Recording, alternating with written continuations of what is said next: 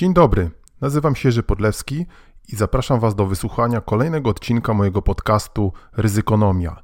Więcej ryzykonomii, informacji o moich e-bookach, usługach doradczych i szkoleniowych znajdziecie na stronie www.ryzykonomia.pl. Start. E, dzień dobry, dzień dobry, dzień dobry. Odcinek 94 podcastu Ryzykonomia. Jak widzicie, dzisiaj będzie wywiad zapowiadany w odcinku 93.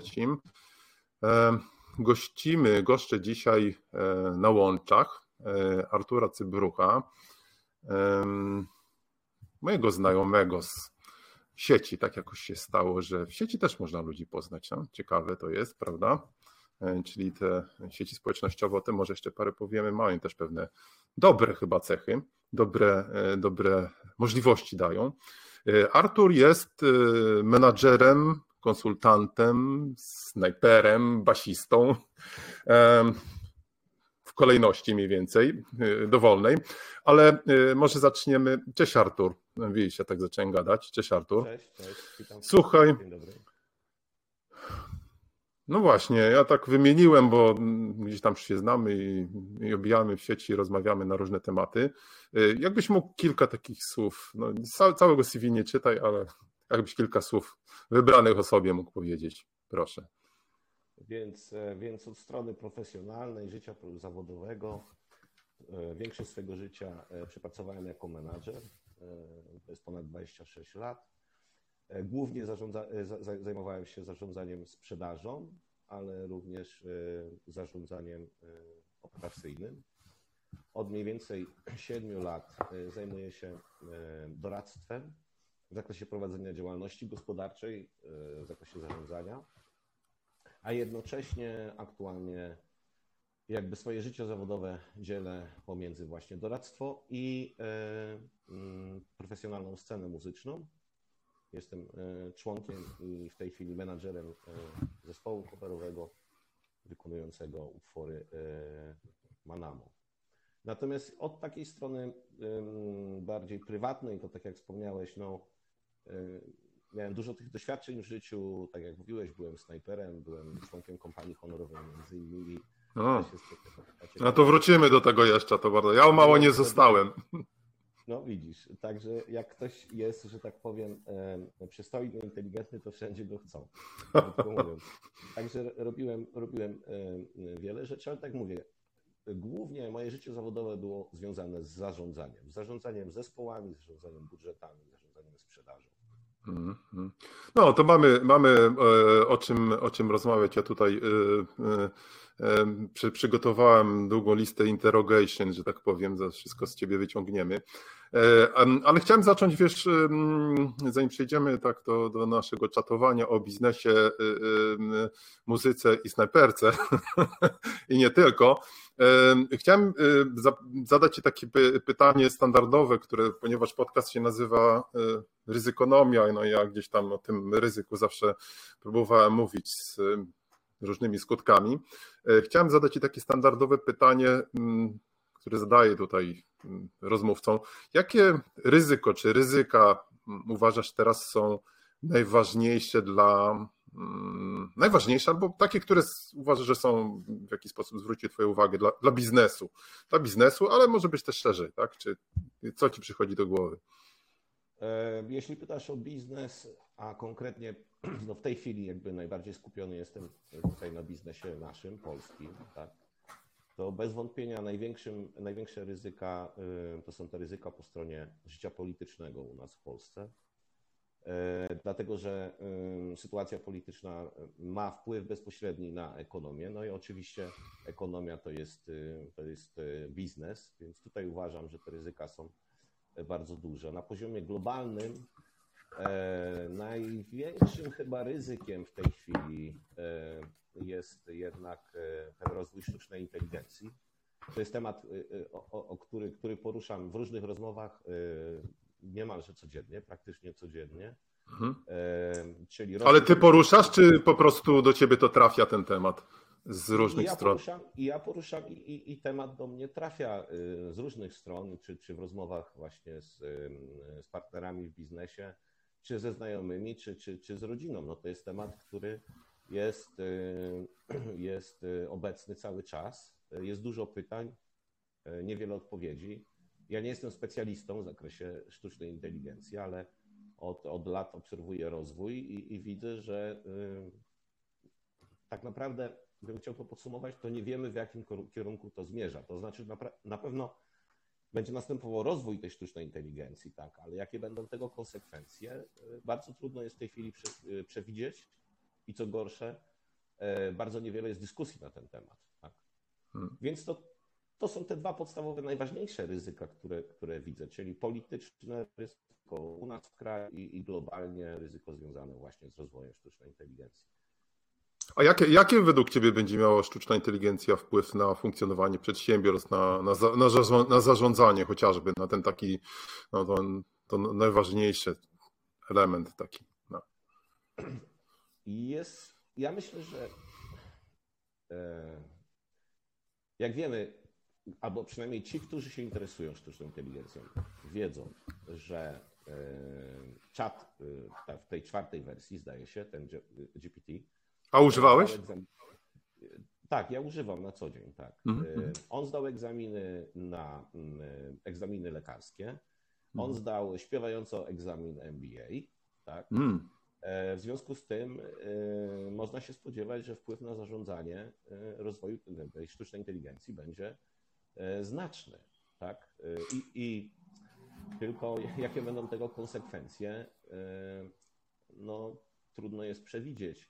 Natomiast dziś obserwuję to, to jest część mojej rzeczywistości, tak? gdzie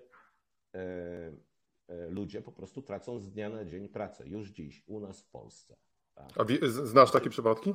Tak, tak, oczywiście, znam takie hmm. przypadki. No ja może powiem tak, że y, w mojej najbliższej rodzinie tak się składa, że, że moja żona, moja córka y, są, obie są artystkami, tak? Mm -hmm. Więc mhm. y, jedna zajmuje się, żona zajmuje się pisaniem, między innymi pisaniem blogów, -hmm. tak? córka zajmuje się fotografiką.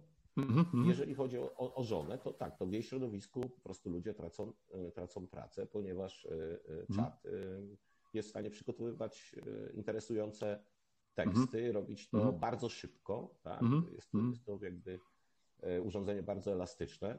W związku z tym często e, już w tej chwili firmy rezygnują z takich osób, które prowadzą na przykład firmowego bloga, tak, czy jakieś gazetki firmowe i tak dalej, na rzecz właśnie korzystania z, z tego czatu. Tak. E, więc więc to, jest, e, to jest jeden wpływ. natomiast z drugiej strony,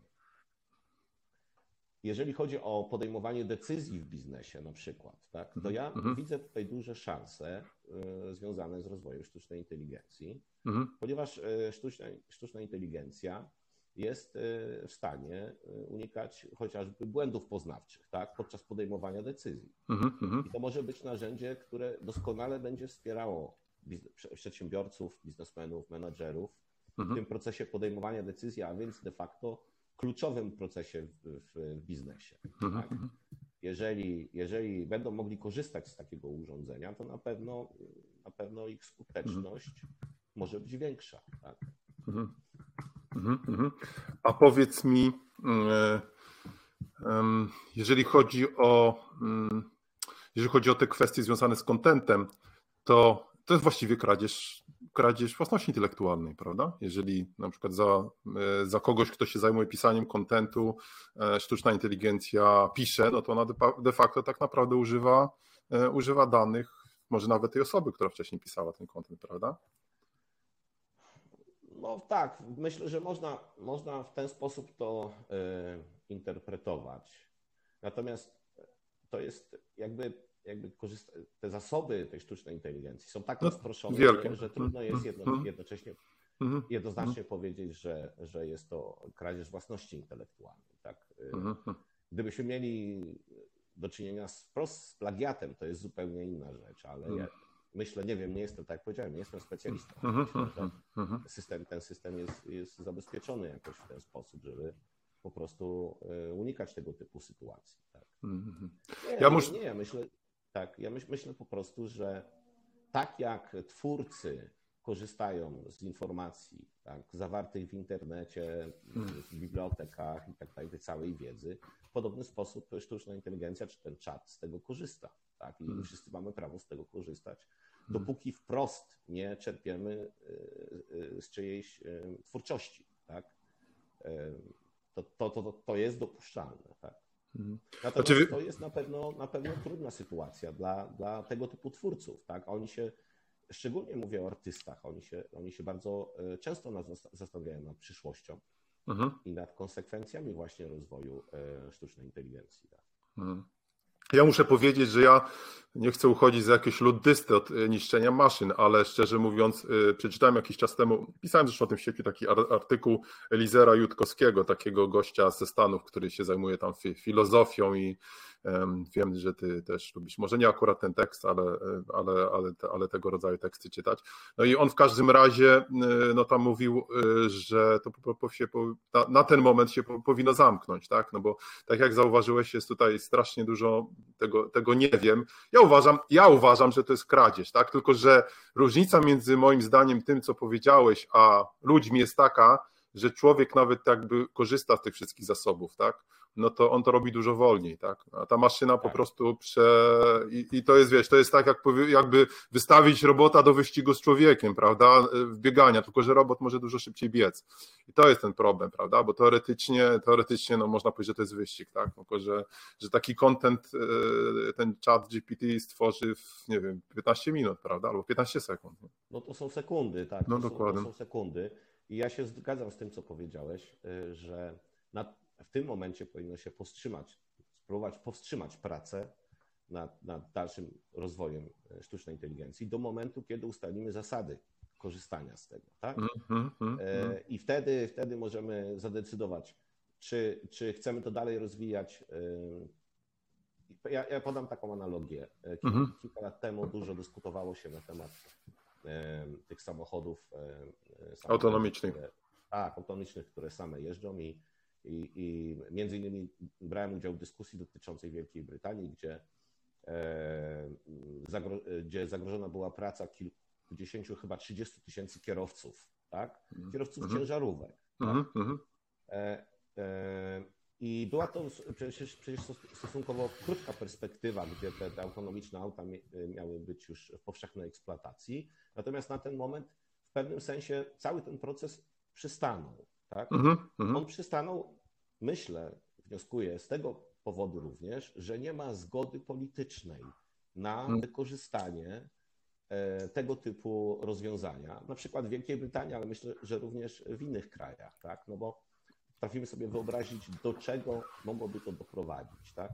Mhm. E, ta, takie, takie szybkie zastąpienie kilkudziesięciu tysięcy kierowców, tak, którzy tracą po prostu z dnia na dzień pracę no i, i bardzo często stają przed y, y, problemem po prostu całkowitej zmiany zajęcia, przekwalifikowania się. Podobnie może być ze sztuczną inteligencją, to znaczy nawet jeżeli nawet jeżeli nie uda nam się wspólnie, mówię nam, mówię krajom, powiedzmy zachodnim, ustalić jakichś zasad funkcjonowania i tak dalej, to, to gdzieś y, te polityczne czynniki powinny dać sygnał, tak, że tak długo jak długo e, nie ma zagrożenia społecznego, dużego zagrożenia społecznego, e, to, to, to próbujmy to rozwijać, ale proszę pamiętajcie, tak, -hmm. mówię tu o tych mhm. firmach, które zajmują się rozwojem tej sztucznej inteligencji, pamiętajcie, że jeżeli przekroczycie pewną granicę, nie będzie na to politycznej zgody, tak?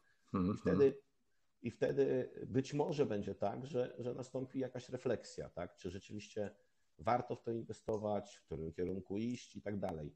E, nie jestem specjalistą, natomiast tak jak mówię, z doświadczenia tych aut autonomicznych wnioskuję, że mogło do czegoś takiego dojść, że, że, że, że po prostu był sygnał ze strony polityków, że niekoniecznie to rozwiązanie musi wejść w życie i być akceptowane. Tak? Mhm. No ja e, czytałem kiedyś, e, bo popełniłem taką monografię na temat sztucznej inteligencji, którą gdzieś tam reklamuję na swojej stronie e, i widziałem takie szacunki, że jeżeli chodzi o kierowców, to jest 2-3 miliony miejsc pracy nawet w Europie, nawet więcej. To, to rzeczywiście jest, jest olbrzymia, olbrzymia siła, siła rażenia. Ja też jestem zwolennikiem regulacji, rozumiem, że pana Sławka tego tam od już nie chcę o nim mówić, co on tam mówił, to raczej y, wolny rynek tak, ale regulacje też, prawda? Jak najbardziej. Ja Znaczy, też tak, uważam, tak, że państwo ma swoją rolę do spełnienia też, tak? Absolutnie, dużo większą dziś niż, niż Mm. miało 10, 15 czy, czy, czy 30 lat temu. I na całym świecie myślę, że ta prawda y, coraz częściej dociera. Y, I, i, I pomysły właśnie, które w tej chwili się pojawiają w Polsce na to, żeby, żeby osłabić rząd, żeby działać, czy, czy generalnie administrację, to są pomysły bardzo złe. Biorąc pod uwagę właśnie rozwój technologii, tak, e, to, że, że ta technologia w łatwy sposób może dostać się w ręce e, nieodpowiedzialnych ludzi, tak? I sami nie będziemy w stanie się indywidualnie, nie będziemy w stanie się obronić po prostu przed działaniem. To, to może zrobić tylko sprawny, dobrze funkcjonujący, dobrze finansowany e, rząd czy administracja. Czy tak jak u nas. Tyle waku chciałem powiedzieć. Słuchaj, a ym, wspominałeś o, y, o tych kierowcach Wielkiej Brytanii i to mi przyszło na myśl zaraz taki znaczek, który zaobserwowałem u ciebie y, na twoich, y, na twoich mediach społecznościowych, na LinkedIn i który miałem wrażenie, y, że tak powiem, jesteś z niego dumny, czy w ogóle z uczestnictwa w, w uczestnictwa, czy w ukończeniu e, studiów MBA, kursu MBA w London Business School. E, Takie odniosłem wrażenie, że to jest coś, z czego jesteś dumny, tak?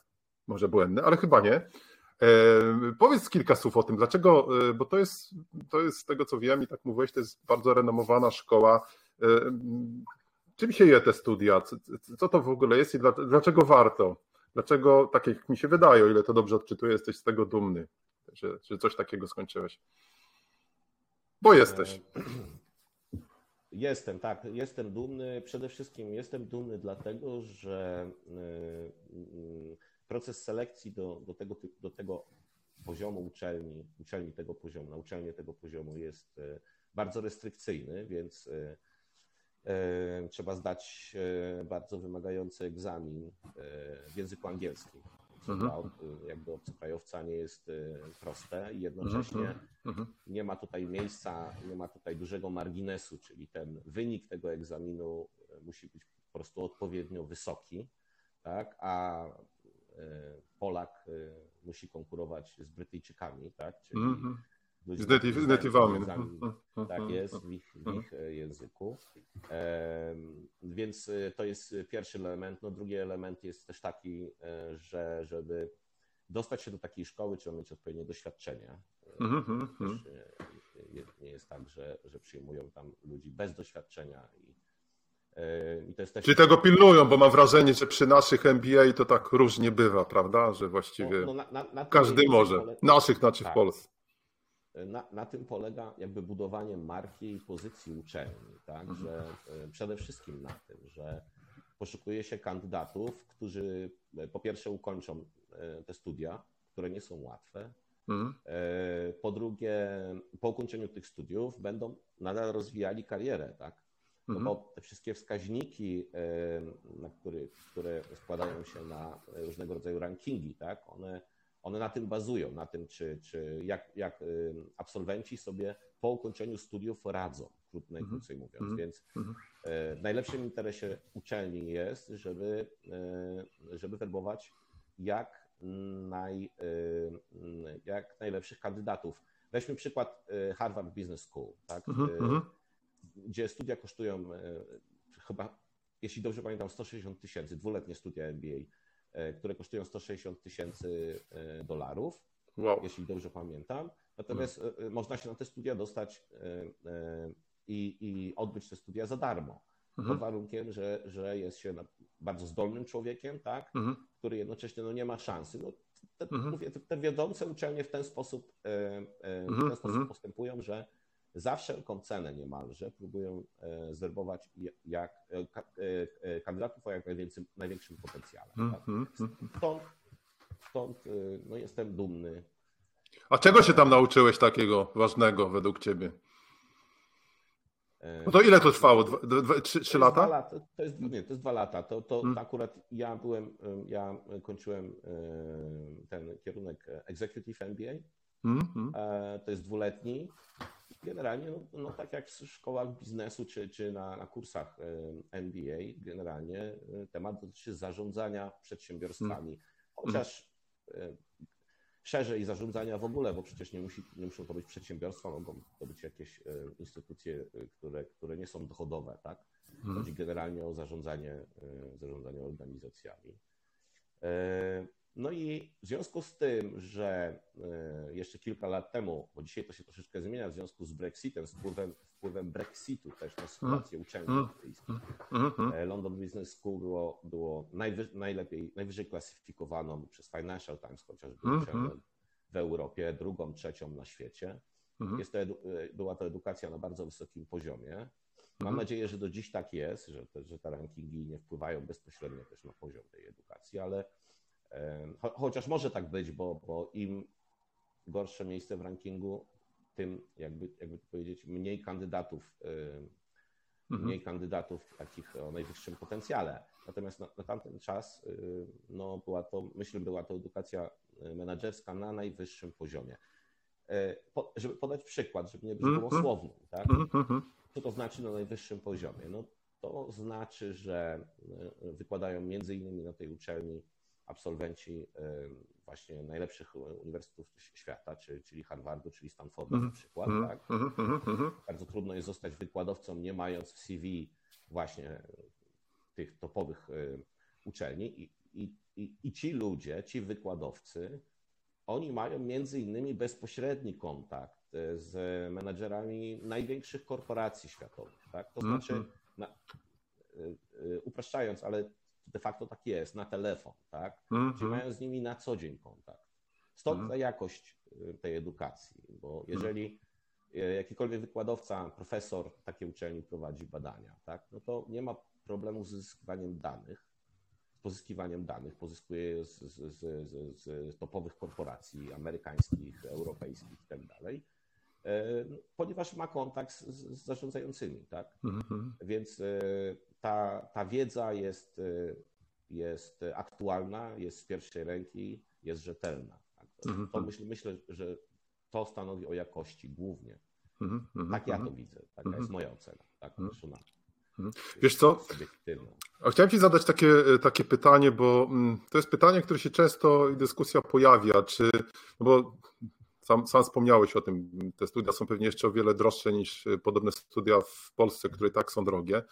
E, o ile oczywiście nie, nie, nie, nie dopytując się, nie, nie zostałeś tam przyjęty jako, jako prodigy, jakie cudowne dziecko, prawda? Nie, natomiast, natomiast, e, no, czego nie. Natomiast, e, wiesz co, jest taka dyskusja, czy w ogóle w polskiej rzeczywistości warto takie studia robić? Czy to, czy to się zwraca, bo wszystkie, nie, no, może nie powiem wszystkie, ale ja nawet kiedyś y, występowałem, mówiłem o risk managemencie taki, y, w takiej uczelni w Łodzi miała z amerykańską jedną uczelnią, bo to są zazwyczaj takie łączone programy, prawda, jak wiesz.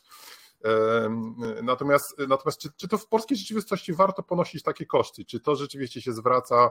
E, bo powiedzmy, w temacie wiedzy to się zwraca, bo to jest to, czego, czego, co, co, co, czego ci nikt nie odbierze, ale czy to się zwraca biznesowo?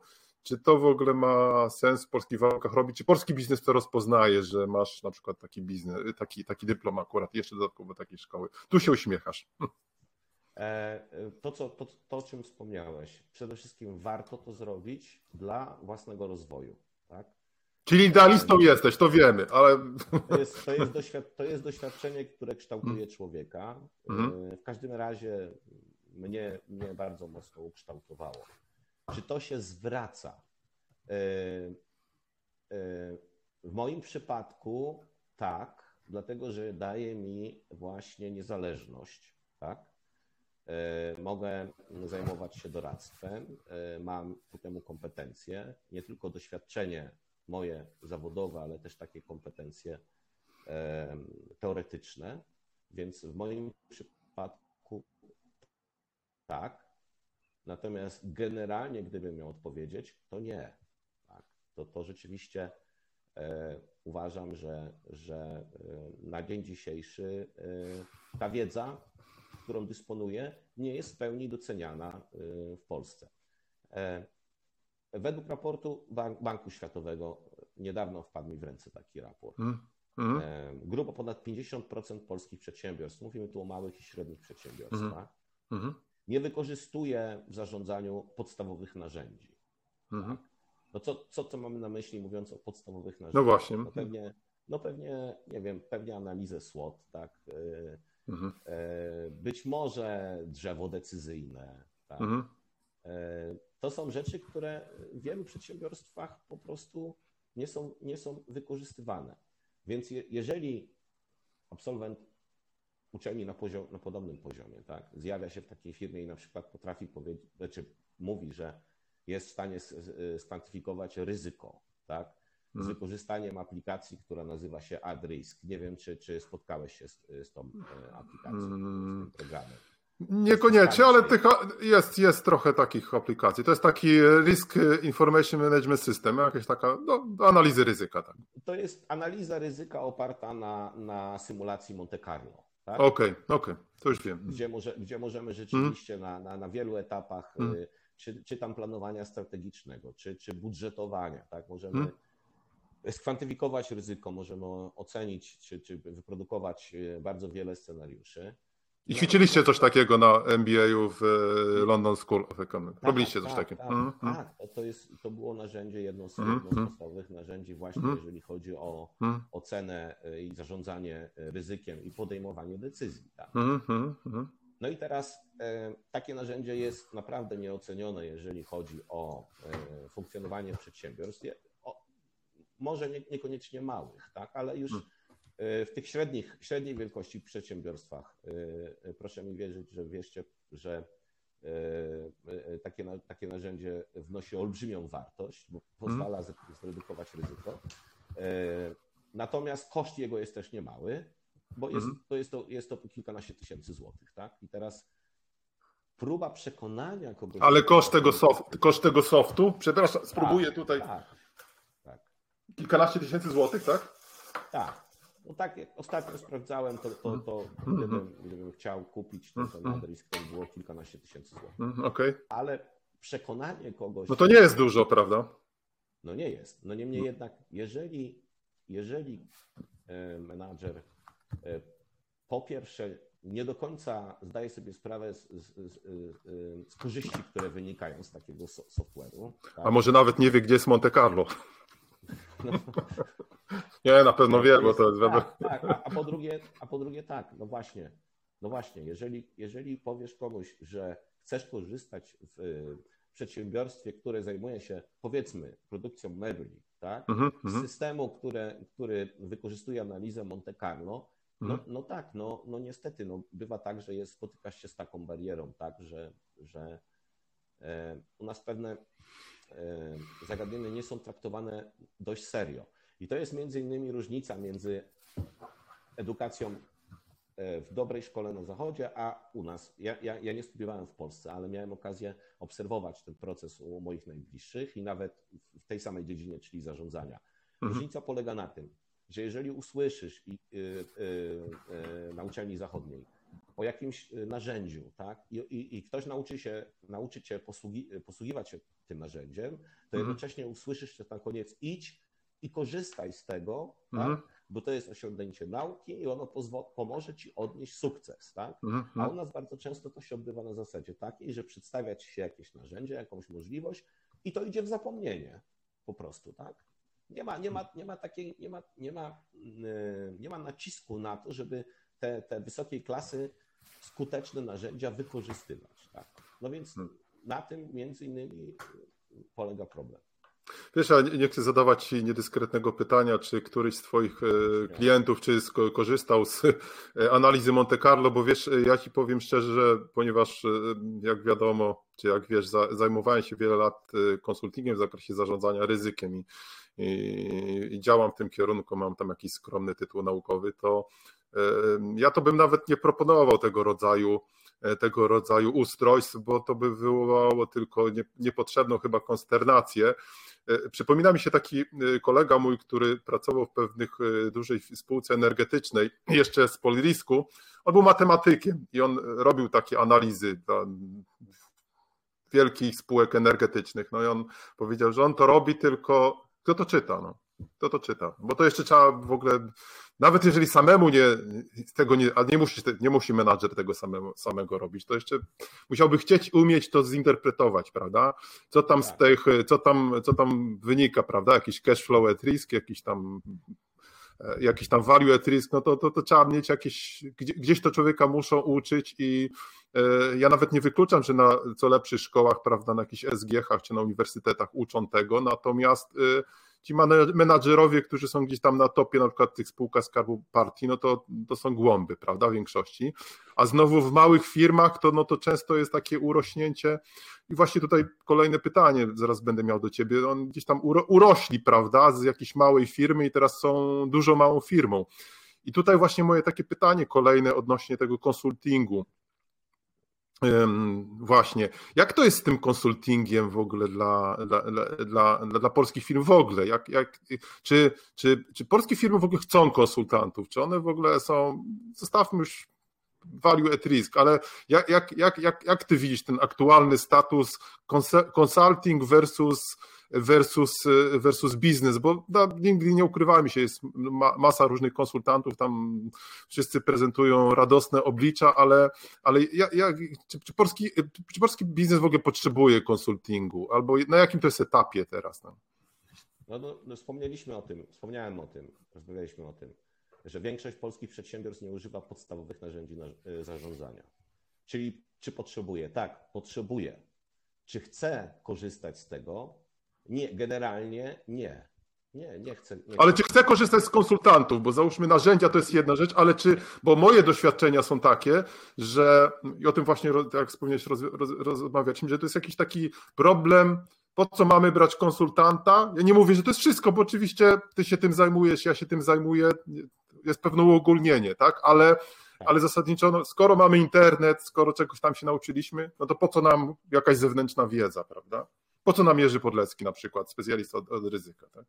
No tak, y, cała wiedza, w zas- w zasadzie cała wiedza, którą ludzkość dysponuje, jest dostępna w internecie. To nie jest, to nie jest nic odkrywczego, tak? Mhm. Tylko umiejętność wyszukiwania, jaka wiedza jest wartościowa, rzetelna, sprawdzona, tak? I później Mhm. wykorzystania jej, jej w przedsiębiorstwie, w praktyce, w zarządzaniu, to, to jest zupełnie e, inna kwestia. Mhm. I, i, i dlatego na, na, twoje, na Twoje pytanie, y, czy polski biznes potrzebuje, potrzebuje konsultingu, czy chce korzystać, niechętnie korzysta, dlatego olbrzymia większość rzeczy, które robimy, robimy, bo, je, bo jest nastroje w firmie, dotyczy w tej chwili przede wszystkim pozyskiwania e, inwestorów, poszukiwania i pozyskiwania inwestorów, korzystając między innymi z tej sieci kontaktów, którą ja wypracowałem dzięki między innymi pobytowi za granicą, czy studiami za granicą, tak? Czyli to się przydaje też, ta sieć się przydaje, bo to jest następna rzecz, o której się mówi często przy MBA, że to jest jakaś sieć, natomiast nie wiem na ile w polskich warunkach ta sieć rzeczywiście funkcjonuje, natomiast mówisz, że w przypadku tego MBA to poznałeś ludzi z Grenlandii, z Arabii Saudyjskiej, dzwonicie do siebie, umawiacie się na, na śniadanka, jak jest się Tak, to, no to znaczy tak, tak, umawiamy się na, na, y, na y, lunche w, w klubach krykietowych. A, E, A tak na, a tak na Tak poważnie y, funkcjonuje ta, ta, ta, ta, sieć y, kontaktów, funkcjonuje zarówno jeżeli Mhm. chodzi o, o, o tutaj o, Pol, o Polskę, dlatego że mam znajomych przyjaciół, którzy są absolwentami programów MBA i mają kontakty Mhm. tutaj w, w kraju, na terenie kraju. A Jeżeli po czym poznać, mają takie, mają takie e, te sygnety, nosicie, czy? Po czym poznać, że mają kontakty, czy po, Nie, po czym, że, że, że jesteście z jednym, macie takie sygnety z, z ukończenia, nie? Czy jakieś inne tajne, czy swetry z napisami, tak, jak Radek Sikorski. Tak. My, mamy tak, mamy t-shirty, mamy takie specjalne e, odznaki, Mhm, mhm, e, ale generalnie o ile, ja nie wiem, czy w Polsce to tak działa, Mhm. wiem, że, że moi przyjaciele, znajomi, którzy kończyli e, studia MBA mają te kontakty dość szerokie w Polsce, natomiast e, jeżeli chodzi o, o, o moją uczelnię, e, my jesteśmy mm, e, jakby połączeni wszyscy jednym portalem internetowym, O, e, mhm, którego e, korzysta kilkadziesiąt tysięcy absolwentów, mhm, mhm, do których ja mam bezpośredni dostęp. To znaczy bezpośredni dostęp w tym sensie, że ja jestem w stanie napisać e-maila, ogłoszenie i wysłać tego e-maila jednocześnie do, do kilkunastu, kilkudziesięciu tysięcy osób, absolwentów na uczelni, Mhm. którzy zajmują stanowiska mhm. e, w korporacjach, firmach, są właścicielami firm na całym świecie, od, od Nowej Zelandii mm, tak, mm, po Indonezję, jadąc mm. naokoło globu. Tak? Więc I, to, I to działa? To działa? Jest feedback? To działa? Tak, to działa, dlatego że to, y, ja widzę, że to działa po intensywności eksploatacji y, tego forum. Tak? Mm, Codziennie pojawia się tam kilka wątków, gdzie, y, gdzie ludzie poszukują partnerów do współpracy, gdzie poszukują kontaktów, dojść do, do, do, do pewnych firm na przykład, tak? Mm. No, no, jakby statystycznie rzecz biorąc, jak, jeśli masz sieć kilkudziesięciu tysięcy osób, czy tam aktywnie korzystających kilkanaście tysięcy osób, to łatwo jest dotrzeć nawet do y, osób, mhm. do których zwykle dotrzeć jest y, trudno, tak? Mhm, mhm, no bo korzystasz z tych e, referencji chociażby. Także tak, tak to działa i, i, fir- i szkoła robi coraz więcej, żeby to działało coraz lepiej. No właśnie, bo ja znowu nie chcę uogólniać, ale mam wrażenie, że właśnie dlatego to jest to moje pytanie MBA, że w Polsce no, dużo się na ten temat mówi i to się, jak gdzieś się to otarłem, ale na przykład rzeczywiście ta sieć, tak, jak, jak ona później funkcjonuje, ale mówi, że w tym przypadku funkcjonuje, więc to, to, to bardzo sensownie brzmi. A słuchaj, no, ja nawet bym powiedział, ja nawet powiedziałbym tak, podsumowując, ja nawet powiedziałbym tak, że, że e, dla osób, które chcą e, swoją przyszłość wiązać z Polską, i mhm. tutaj rozwijać karierę, tak, budować mhm. karierę. Duży, dużo lepszym rozwiązaniem jest studiowanie tu na miejscu, bo poznają, mhm. e, e, poznają ludzi, którzy na co dzień są e, w polskim biznesie. Tak? Ja, ja znam ludzi, którzy są w biznesie międzynarodowym. Nas, absolwentów London Business School w Polsce jest może 40, tak? E, z których prawdopodobnie większość pracuje za granicą, więc y, mnie ta sieć kontaktów na takim poziomie globalnym jest przydatna. Tak? Hmm. Natomiast tu lokalnie w Polsce mniej. No właśnie, wiesz co, bo ja ci powiem, że ja mam taką no, z, wrodzonego może krytycyzmu tak, i z pewnych obserwacji takie, takie, może nie przeczucia, ale taką obserwację, że właśnie w przypadku tych rodzimych MBA mówi się o tych sieciach, no ale później spojrzeć chociażby kto zarządza polskimi spółkami, gdzie tam można znaleźć tych ludzi właśnie z MBA, no to żeby była jakaś sieć powinni ci z ludzi z NBA być nie w energetyce, w największych spółkach, no to za bardzo ich tam nie widać, prawda? Więc y, się zastanawiam, czy często po prostu nie jest tak, że ludzie tam kończą, uczą się, a potem gdzieś to trafia do szuflady, no bo, no bo nie widać, prawda? Nie, nie widać, żeby przy nazwiskach tych, yy, nawet jak się spojrzy, mam taki, taki, że tak powiem, chorobliwą pewien nawyk przeglądania sobie e, biogramów różnych nowo mianowanych menadżerów, to tam łatwiej można znaleźć sodalicję mariańską albo, nie wiem, związek, e, cool. związek katolicki właśnie niż, e, niż skończenie studiów MBA, prawda? Więc, więc może to się sprawdza, może to super działa, tylko na trochę innym poziomie, prawda? No tak, no. mówisz, ale tu mówisz o, tej, o, o, o spółkach Skarbu Państwa, to jest jakiś tam wycinek tylko gospodarki. Ale na większe spółki, prawda? No tam się tego tak. Monte Carlo można by robić, nie? Naprawdę, nie? Tak, to prawda, y, to są największe spółki. Y, natomiast ja mówię z doświadczenia, to znaczy z kontaktu taki, tak, takiego na stopie nawet i przyjacielskiej, tak, y, z ludźmi, którzy kończyli te, te studia. No ja, ja mówię, ja, ja odnoszę tutaj do Polski, do Polski, dlatego pytam Cię, jak to, jak to wygląda w, y, nie dlatego, że ja tu chcę prowadzić jakąś reklamę, chociaż jakbym mógł, to bardzo chętnie, proszę, tam podam numer konta, żeby mi tam LSI coś przysłało, prawda?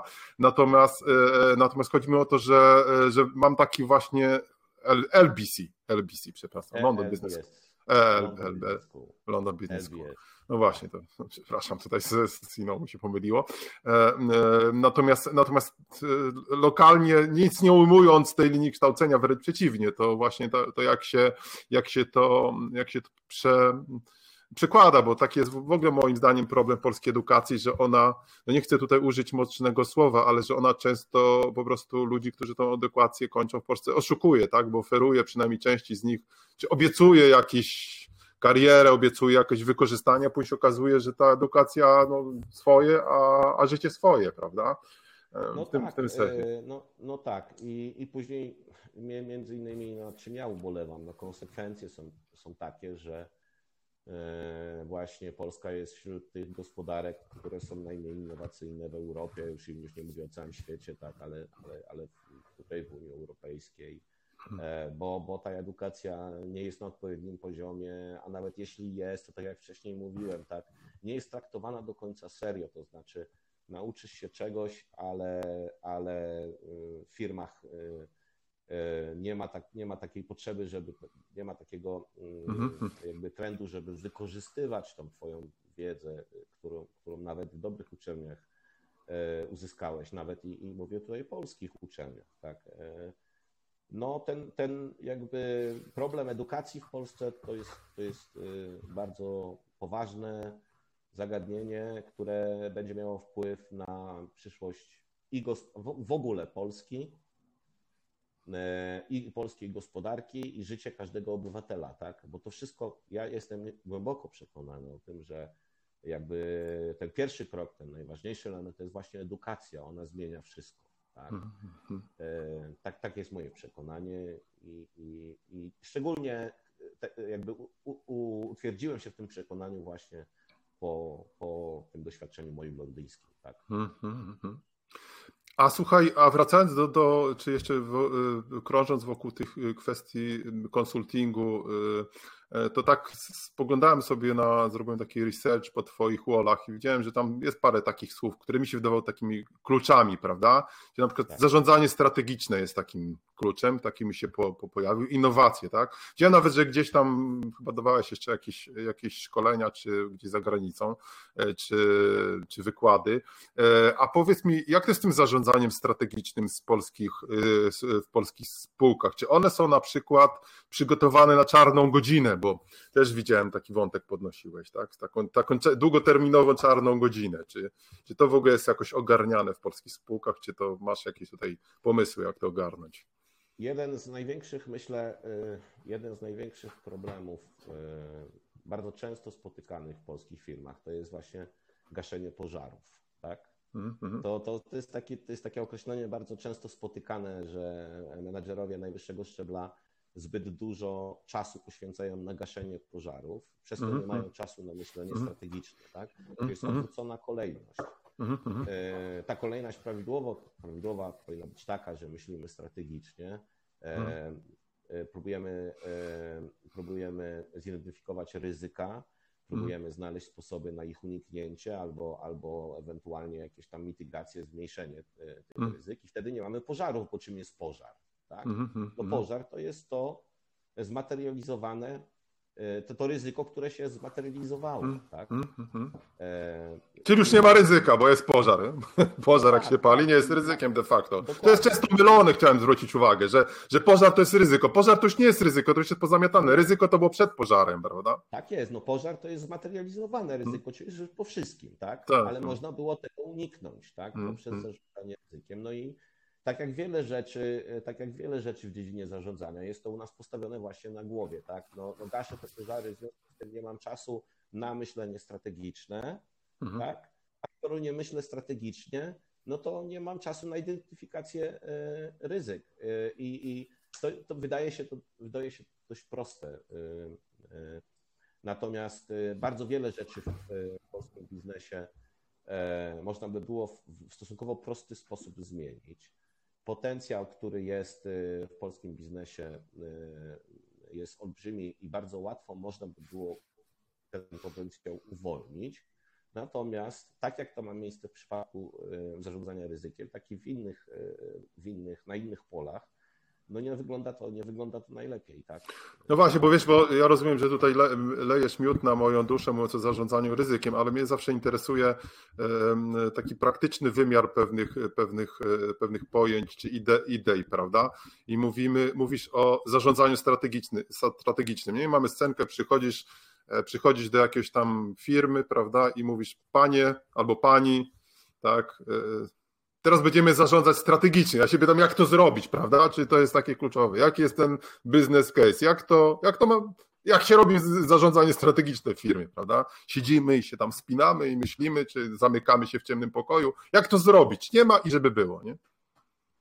No to powinno, to znaczy, no właśnie, widzisz, jeżeli trafiasz do firmy, w której nie ma, tak, to znaczy, że rzeczywiście, e, to znaczy, że rzeczywiście trafiłeś w wyjątkowe miejsce. Znaczy firma powinna mieć strategię od, od początku, Hmm. Od samego. Ale co chodzi, że mają papier, strategię? O to chodzi? Mogą mieć papier, strategię, a niekoniecznie tak musi być, bo może być właściciel, który ma jakąś tam wizję, jakiś pomysł, tak? I go konsekwentnie realizuje, więc ma strategię, tak? Natomiast dobrze jest, oczywiście dobrze jest yy, mieć wypracowany choćby i papier, tak? choćby gdzieś to zapisane, żebyśmy mm -hmm. w każdej mhm. chwili spojrzeć, mm -hmm. co, co, co, co, co ta, na czym ta nasza strategia polega. Jaki jest purpose, jaka jest wizja naszej firmy, tak? -hmm. jakie mamy zasoby, którymi dysponujemy, tak? jak chcemy pozycjonować y, y, naszą ofertę, tak? żeby uzyskać y, trwałą przewagę konkurencyjną. Dobrze jest mieć taki dokument i dobrze jest mieć taki papier. Ja tylko zwrócę uwagę na jedną rzecz. Jest dużo definicji biznesu, czym jest biznes, czym jest prowadzenie biznesu, tak? ale e, jedną z takich e, definicji, która mnie przekonuje, tak, to jest e, ponoszenie ryzyka w zamian za ewentualne zyski, tak? W mhm. nadziei, w nadziei zysków. To jest, to jest risk reward. Tak, jakby ryzyko jest wpisane w definicję przedsiębiorczości. Mm, I teraz sure. w, praktyce, w praktyce jak to wygląda? No, y, zaczynamy pewnie od jakiegoś modelu biznesowego, czyli mm -hmm. co, komu i jak chcemy sprzedawać. Tak? Mm -hmm. No to jest, to jest taka, taka pierwsza rzecz. -hmm. I później musimy sprawdzić, czy ten nasz model biznesowy on ma szansę y, y, realizacji powodzenia, tak? czyli oceniamy otoczenie. Mhm. I na każdym etapie już w samym tym modelu biznesowym już mamy do czynienia z analizą ryzyka, tak?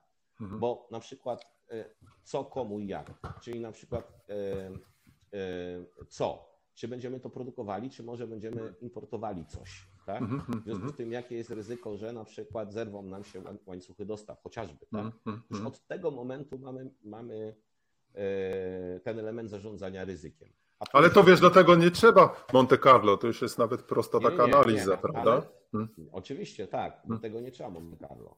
Ale później musimy ocenić otoczenie biznesowe, tak? Możemy to oceniać chociażby przy, przy użyciu e, pięciu sił, analizy pięciu sił Portera na przykład, tak? Hmm. Robisz coś takiego z klientami? Tak, to znaczy powiedzmy tak, nie jest to nagminne, hmm. tak? E, rzadko, ale tak, robi się e, coś hmm. takiego. Często, e, kiedy wchodzi się do firmy, e, firma narzeka, no bo to, to jest główna przyczyna, dla której jesteśmy tak e, w, w firmie, tak? Że, że, że, że jest mała rentowność. Tak? I takie hmm. na przykład pięć sił portera pozwala odpowiedzieć często na pytanie, dlaczego tak jest. Po prostu hmm. dlatego, że firma jest w branży, która generalnie, w której generalnie generuje się niskie zwroty. No takie są hmm. takie branże. Mhm. Ja nie wiem, czy, czy wiesz, czy, czy, czy, czy słuchacze wiedzą, że jedną z, z takich najgorszych branż jest lotnictwo cywilne. Tak? To jest branża, która generuje bardzo niewielki zwrot. Tam jest, jak, jak pamiętam ostatnie dane w granicach 3 czy 3%, tak? Mówię no, o, no to ci, to ci wejdę w słowo, że tak? Tak, to ci wejdę słowo, że pomyślałem, że chcesz mówić o stoczniach, bo na przykład zajmowałem się tym też kawał czasu i to jest y, w taki tradycyjnie, to jest jedna zresztą tajemnic tak zwanego upadku polskich stoczni, że to jest po prostu bardzo niskie stopy zwrotu, tak? No i przetrwały, przetrwały te, które robią offshore, gdzie no, jest trochę, trochę inaczej, tak? No tak, ale, ja, ale... oczywiście.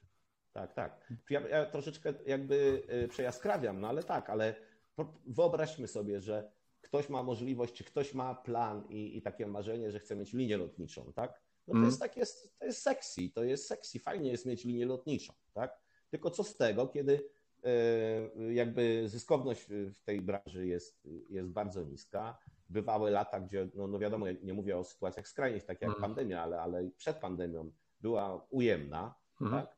A z drugiej strony na przykład mamy firmę taksówkarską. Ostatnio dużo pracowałem z, z korporacją e, taksówkarską. Tak? Ma za darmo przejazdy teraz. Której, której można, w, tak, w tym mm. biznesie można w stosunkowo prosty sposób mm. generować całkiem fajne e, ROE, i, i, ale to nie jest sexy. Tak? No to jest, są mm. taksówki, to jest, to jest tak, taka branża, która i na przykład pozyskując inwestorów, łatwiej ci będzie znaleźć inwestora do, do inwestora do linii lotniczej hmm? niż hmm. do korporacji taksówkarskiej, tak? Kogo no wiesz, Ta, stewardesy, te rzeczy, wiesz, tutaj lotniska. No do, dokładnie. Executive long. Odbiegamy od, tej, e, od, tej, od, od, od zagadnienia tego tematu głównego. Mówiliśmy o, o pięciu siłach Portera. Można to zrobić w bardziej, bardziej, jeszcze bardziej zaawansowany sposób. Jest mhm. taka analiza 2.7 domen Berlina, to jest y, analiza czy, czy sam framework przygotowany jednego właśnie przez jednego, stworzony przez jednego z profesorów naszej uczelni. Gdzie, hmm. gdzie Jak się nazywa? Jeszcze raz mógłbyś powtórzyć, bo coś to zakłóca. Malin, Malin, Malin to jest Malin. jego nazwa. Okay. Hmm.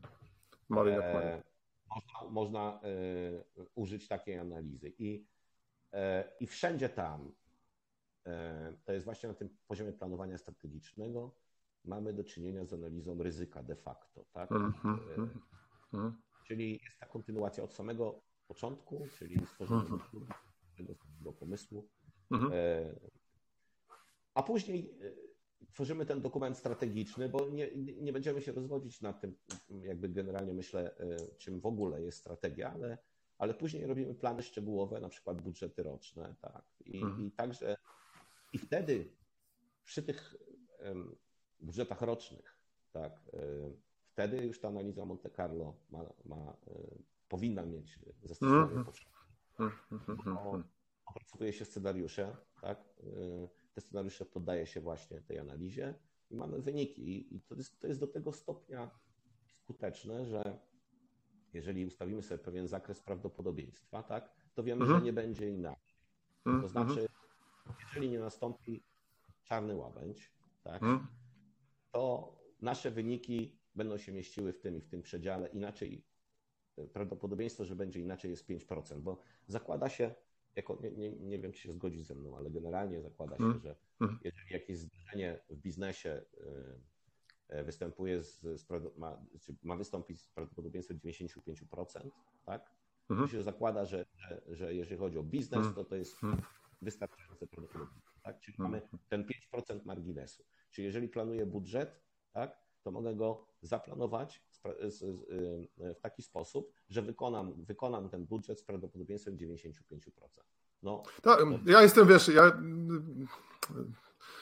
modelowanie, modelowanie e, to jest w ogóle szerszy temat, który jakoś tam nie powiem, że się czuję bardzo ekspertem, ale coś tam na ten temat wiem.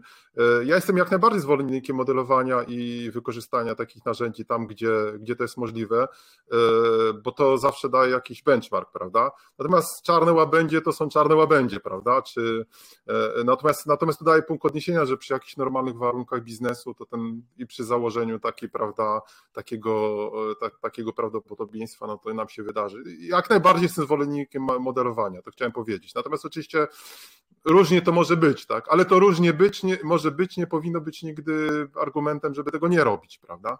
Ale Tym bardziej, że, że, że nie, jest to, nie jest to jakoś nie wiadomo ile nie, nie kosztuje i, e, i nie jest jakoś strasznie skomplikowane wbrew pozorom, prawda? Nie, nie, nie jest. To znaczy hmm. kosztuje. No kosztuje, tak jak mówiliśmy, kilkanaście tysięcy złotych. Czy, czy jest skomplikowane? Nie, nie jest skomplikowane. Hmm. Jeżeli ktoś umie obsługiwać to narzędzie, jeżeli ktoś hmm. ma dostęp do wiarygodnych danych, bo to też jest ważne, że, hmm. że nie możemy tych danych brać powiedzmy z powietrza, tak, tylko musimy mieć jakąś, jakąś historię i, i jakieś zasoby danymi, hmm. to, to, to nie jest trudne, to jest, to jest prosta sprawa. Ja hmm. nawet powiem więcej. E, e, ja stosowałem to do, do budżetowania sprzedaży w Polsce, tak? Bo zarządzałem sprzedażą. Mówiła o Nordzie Monte Carlo teraz, tak? Tak, mówię o, tylko to jest znowu wielkie słowo, natomiast sama y, wielkie słowo, bo między innymi była stosowana przy e, Los Alamos przy programie atomowym. Mm -hmm, tak? Mhm, tam mm -hmm. powstała analiza Monte Carlo. Mhm. Natomiast mm -hmm. kiedy masz do czynienia z, z, konkretną aplikacją, konkretnym programem, to to mhm. jest stosunkowo proste narzędzie, bo się robi e, scenariusz, który zakłada 4-5, nie wiem, 4-5 e, możliwości, tak? Hmm. E, nadaje się temu rozkład prawdopodobieństwa i on tu już wynika powiedzmy z doświadczenia bardziej, tak? Hmm. I, I, po prostu puszczamy te iteracje, nie wiem, 100 tysięcy razy i hmm. nam wynik. I już mamy, wiemy, że budżet, tak, czy, czy wpływy, które zrealizujemy w 95%, z 95% prawdopodobieństwem będą między takim a takim, będą w takich widełkach, tak? I możesz wtedy, i wtedy możesz analizować, wtedy możesz e, e, proponować taki budżet sprzedaży na przykład swojemu szefowi, bo Hmm. Większość czasu w firmie, w której pracowałem, większość czasu budżetowanie było właśnie, e, to, to było ten, ten kierunek down top, tak, czyli, czyli myśmy to robili budżety na hmm. poziomie krajów i później poszło wyżej, tak. Ale wtedy proponujesz coś, co masz sprawdzone. Jeżeli ktoś cię pyta, dlaczego przewidujesz, że taki będzie budżet, a nie inny, i wtedy tłumaczysz, jest, jest to skalkulowane na podstawie danych, tak, i tak dalej. No to wtedy podejmujemy jakąś decyzję poinformowaną. Nie, nie, nie, nie, nie, nie od czapy, tak? Nie od czapy, tak. Mm, mm, Kolejny, taka, taka dywagacja, dywagacja. Ja ostatnio miałem na LinkedInie między innymi dyskusję z prawnikami polskimi i zapytałem ich, czy tutaj na studiach prawniczych w Polsce uczy się prawników korzystania z drzewa decyzyjnego. Mm, nie, nie uczy się. W Stanach Zjednoczonych tak. No. I teraz przychodzi, y, przychodzi, y, y, przychodzi petent, czy do radcy prawnego, czy do adwokata i tak dalej, i tak dalej, i pyta go, jakie są szanse powodzenia. Tak? A mówi, że stuprocentowy. No, jeżeli sędzia nie weźmie, sędzia nie weźmie jajków i kurów od, od drugiej strony, albo nie weźmie łapówki, bo wiadomo, że sędziowie tam mają taki specjalny pokój, prawda, tak. gdzie, gdzie, biorą, gdzie biorą łapówki, wychodzą z walizkami pieniędzy, no to, to wygramy, to o co chodzi. Tak, tak. Natomiast poważni prawnicy no, odpowiadają, że często nie, nie są w stanie odpowiedzieć na to pytanie, hmm. tak, i, i, i tak dalej. No, no, no z tego, co na ile ja wiem i miałem kontakt y, z prawnikami, a, a miałem właśnie w Londynie, tak. No, oni często korzystają właśnie chociażby mm. z decyzyjnego, żeby podjąć decyzję, czy w ogóle warto mm. w jakiś spór wchodzić, tak. Mm. Bo często wynika z tego drzewa decyzyjnego, że po prostu nie warto, że to się nam nie opłaca, tak. Mm-hmm.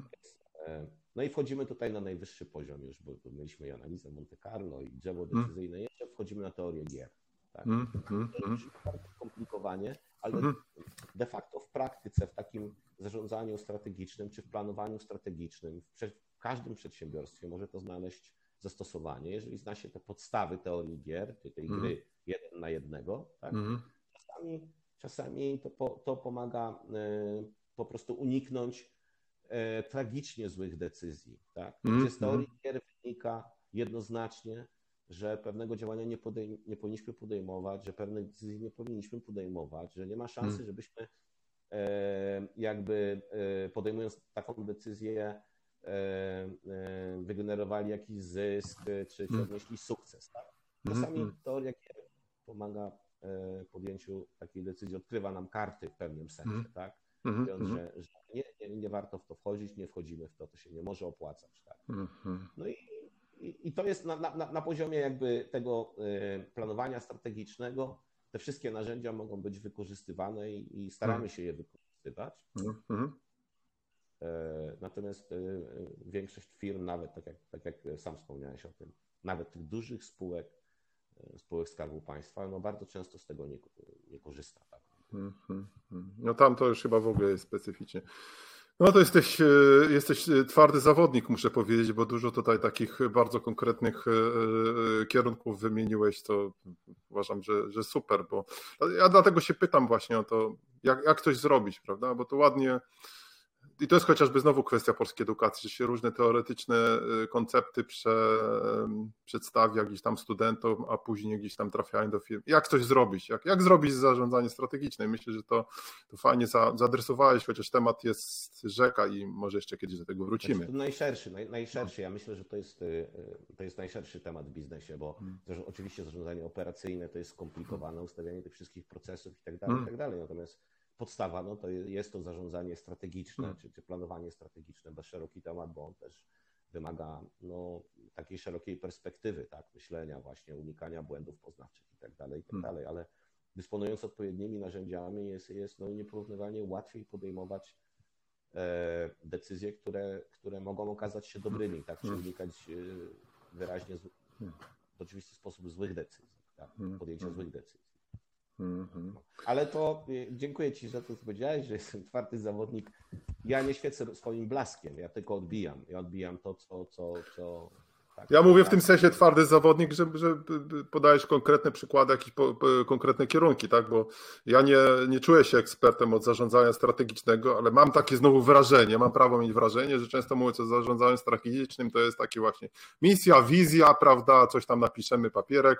E, powiem Ci taką anegdotę, że kiedyś miałem do czynienia tam doradzając jednej spółce właśnie z rozmawialiśmy z dyrektorem, z dyrektorem pewny tam stop managementu i, i gdzieś tam było właśnie później też jakie, y, odnośnie ryzyka w stosunku, jakie mamy misje, wizje. A on tak jest, a my, jaką my mamy misję? Jaką my mamy misję? A ja mówię, panie dyrektorze, jak ja wchodzę do was y, do recepcji, to tam nad recepcją oni sobie taką tą misję napisali, wiesz, wielkimi literami. Może to jest dobra wizja, może nie, ale no trudno jej nie zauważyć, prawda? Oni nawet nie wiedzieli, no zapłacili komuś, kto im tam wykonał te piękne literki i myślę, że nie są jedyni, a nie właściwie nikt tego chyba nie przeczytał albo gdzieś, no w tym sensie, prawda, że jeżeli już coś robimy, no to to, to, żeby to rzeczywiście ktoś wziął i coś z tym zrobił, prawda? Tak, i po, pozwól, że, pozwól, że, że, pozwól, że tutaj wspomnę o takim e, fakcie. Jakiejkolwiek branży w Stanach Zjednoczonych e, byś się nie przyjrzał, tak? to e, jeżeli chodzi o wydajność, produktywność e, firm, 10% e, firm e, stopu, jeżeli chodzi o, o, o te 10% najbardziej produktywnych firm, jest dwa razy bardziej produktywna niż 10% tych y, z, mm -hmm. z dołu. Tak? Czytasz Harvard to, Business Review, widzę. Y, to jest nawet więcej niż Harvard Business Review, bo ja po prostu na co dzień słucham mm -hmm. podca też podcastów i, i, i mm takiej osoby, takiej profesor Rebecca, Rebecca Henderson. Mhm. Ona bardzo mocno się tym tematem zajmuje. Jest jakiś podcast, tak? Podcast Rebeki, tak? Tak, ona, ona prowadzi tam na, na YouTubie, ma, ma Harvard Business School prowadzi jej podcast i ona na YouTubie ma filmiki, czyli mhm. Rebecca Henderson. Hmm, zapiszę teraz, sobie. A do czego zmierzam? Hmm. Mówiąc hmm. o, tym, o tej wizji, o, o, o, o tej misji, tak? Hmm. Ta różnica w produktywności, wydajności, hmm. mówmy o wydajności, tak? 100%, tak? Ona hmm. wynika z właśnie przede wszystkim na tym podstawowym poziomie z tej misji. Mhm, mhm. Czyli albo mamy misję, w zasadzie to może nie misję, bo to nie jest naj, naj, naj, najtrafniejsze określenie, bo to jest purpose, to jest taki mhm. cel. Po co istniejemy, tak? Po co nasza firma istnieje?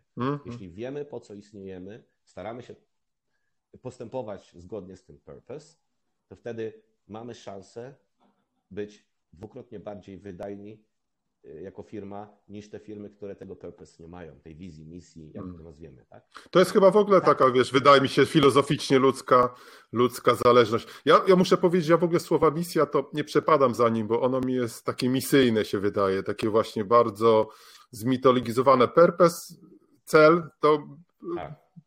ja tak dla mnie to tak fajniej brzmi, bo ta misja, wizja to jest właśnie o, mieć w życiu jakiś cel. Jak mówi Mleczko, taki był kiedyś rysunek, że dwóch gości z karabinu maszynowego i że trzeba mieć w życiu jakiś cel, prawda?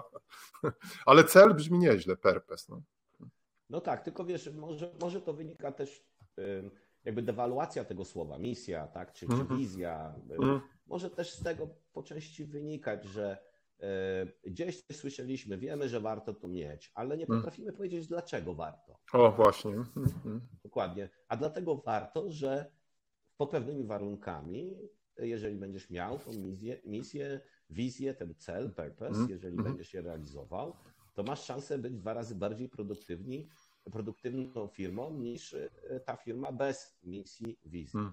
Produktywną to nie znaczy, że zyskowną, bo to jest jeszcze zupełnie inna kwestia, bo mieć purpose to mm. też kosztuje, tak? Mm -hmm. ponosi pewne koszty, ale, y, ale generalnie e, chcę na to zwrócić uwagę, że czasami rzeczy, które nam się wyda, wydają takie troszeczkę abstrakcyjne, jak cel, misja, wizja, czasami nie są doceniane, -hmm. a może się okazać, że one są kluczowe. Tak? Według Rebecca Henderson Mm -hmm. Nie tylko jej, ale według amerykańskich ekonomistów wielu, tak, mm -hmm. właśnie są kluczowe. Tak, że mm -hmm. firmy, które mają purpose, mają cel, zwykle y, działają lepiej. Toyota jest najlepszym przykładem, takie mhm. porównanie, którego chętnie używa Rebecca Henderson, to jest porównanie Toyoty i General Motors. Tak?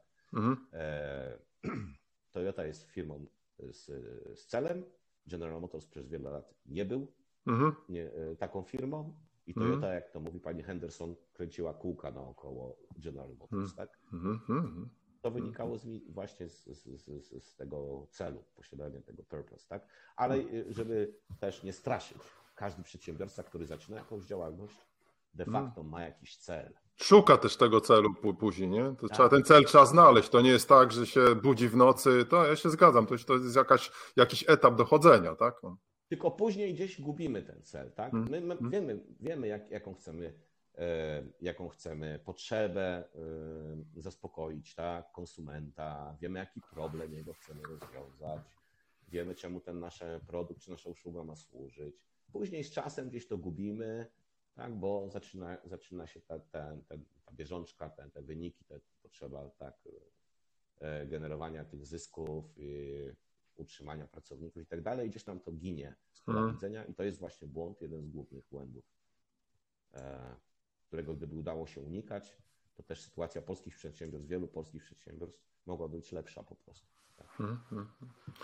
No słuchaj, y, super tematy tu się pojawiły i, y, i, mm, i myślę, że takie jeszcze do podrążenia, jeżeli będzie tylko możliwość, mam nadzieję w przyszłości, ale tak, żeby, mm, no przynajmniej wiadomo, doba jest y, ograniczona i żeby też y, sąsia- że- żeby, sąsiadom, dlaczego sąsiadom, żeby, y, żeby słuchaczom zostawić coś na kolejne odcinki, mam nadzieję, też jeszcze się u nas pojawisz, u mnie pojawisz w podcaście. E, A chciałem jeszcze tak zostawić na moment, zaparkować ten właściwie do ten, przynajmniej na, na, na- na teraz, na dzisiaj te kwestie biznesowe, ale właściwie nawiązać do Twojego drugiego takiego życia. Właściwie Ty masz jeszcze je- jedno krótkie życie, to mówisz, że byłeś snajperem w wojsku. E, To mnie za, zaintrygowało, ale już nie jesteś. I od razu w połączeniu z tym, jak ci rozumiem, snajperka się znudziła, to zaczęłaś e, grać na basie w, e, w drużynie śpiewającej Manam, tak? To jest tak. e, Czy dobrze to powiązałem? e, Nie, Nie będę snajperem, to będę basistą. Nie ta kolejność. Jak e, e, w wieku mniej więcej 16 lat e, odkryłem, że chcę być muzykiem, tak, że to jest moja pasja i, i, i rozpocząłem naukę gry na, gry na gitarze, Hmm. no to później jak to w, powiedzmy w czasach PRL-u było, PRL brutalnie przerwał Hmm. i ostudził moje zapały, no bo trzeba iść na dwa lata gdzieś tam i Hmm. tam Hmm. okazało się, że umiem strzelać i, i, i trochę liczyć w pamięci e, i mam całkiem dobry wzrok i refleks, więc się nadaje na strzelca wyborowego, czy akurat to akurat, akurat bardziej snajpera w tym wypadku, bo to troszeczkę Mhm. inny rodzaj służby, ale to, to pominimy. A później, kiedy wyszedłem jakby e, z tej służby, skończyłem tą służbę, no kontynuowałem tą swoją pasję, Mhm. czyli zajmowałem się muzyką. Ja gram na gitarze basowej Mhm. Od samego początku. E, Kilka lat temu e, grałem w różnych, e, przeróżnych zespołach, również, również zarobkowo. Natomiast kilka lat temu udało nam się tutaj złożyć taką ekipę bardzo zdolnych, bardzo fajnych ludzi. No i, i, i, i mamy taki model biznesowy, że, że gramy covery Manamu, ponieważ Manam nie istnieje jako zespół, ponieważ Kora, Kora odeszła, Marek Jackowski odeszli kilka lat temu. Mhm. E, Nie ma też tutaj z- w Polsce y, oferty, jeżeli chodzi o covery Manamu, zbyt szerokiej. Są bodaj dwa zespoły w całym kraju, więc postan- postanowiliśmy grać covery Manamu. Również dlatego, że uprawianie tej muzyki Mhm. rozwija bardzo muzycznie. Mhm. To, to, to jest na przykład jeżeli chodzi o partię basu, tak? to, to, to co Mhm. Kowalewski zrobił, e, Mhm. to jest e, myślę, to, to jest bas numer jeden polskiego rocka, Mhm. e, więc jeżeli ćwiczysz te utwory, grasz je regularnie, to cię muzycznie też rozwija, rozwija jako instrumentalistę.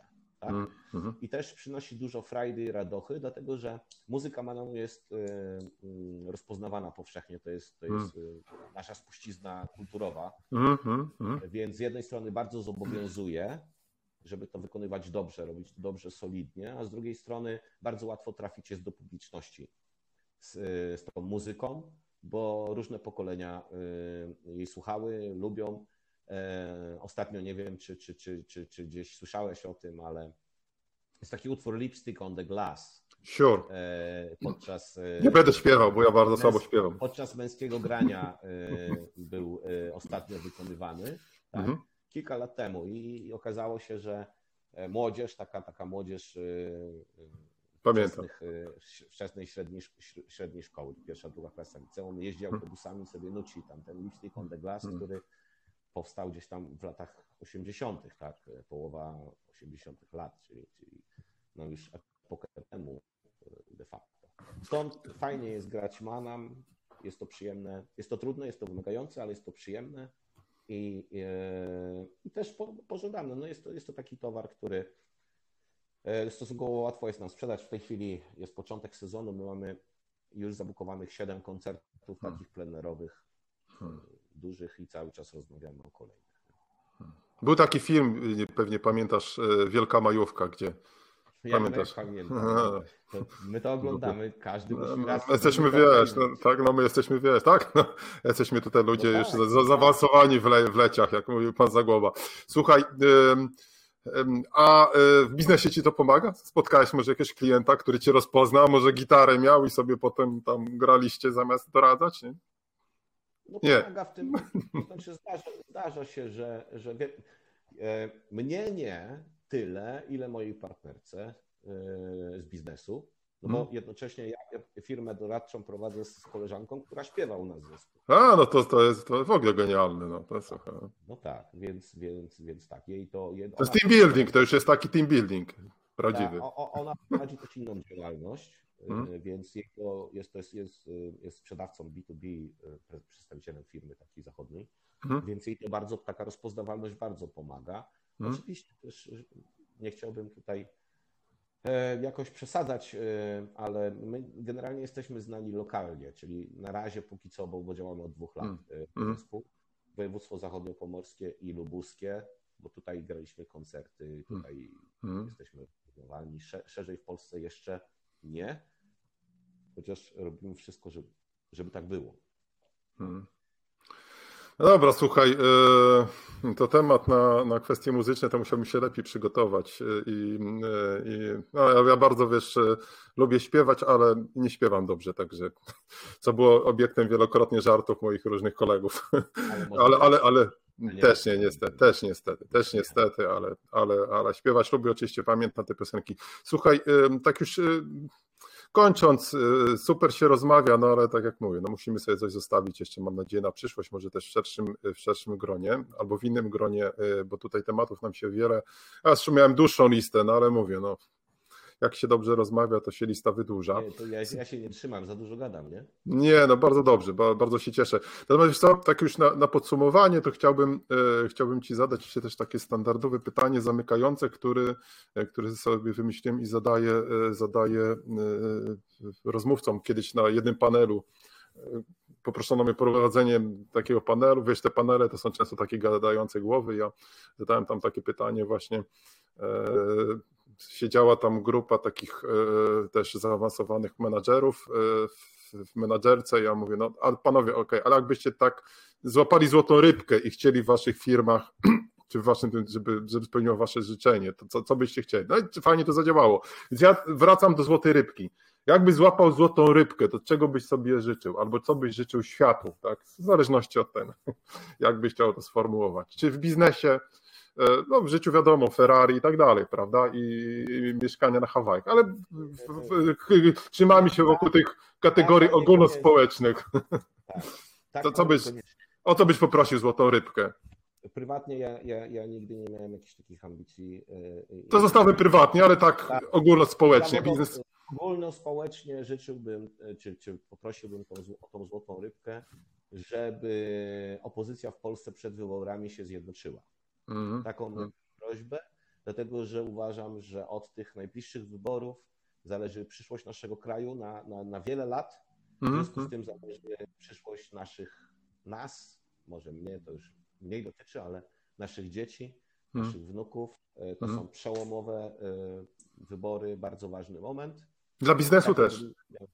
Absolutnie tak. Nie ma, nie ma, nie licząc wyjątków w postaci Singapuru, w postaci Zjednoczonych Emiratów Arabskich, czyli krajów, które mają e, strategiczne, bardzo strategiczne położenie. Tak?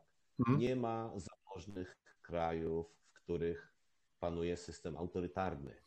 Mhm. E, Wolny rynek e, jest związany z demokracją, z wolnością, z rządami prawa.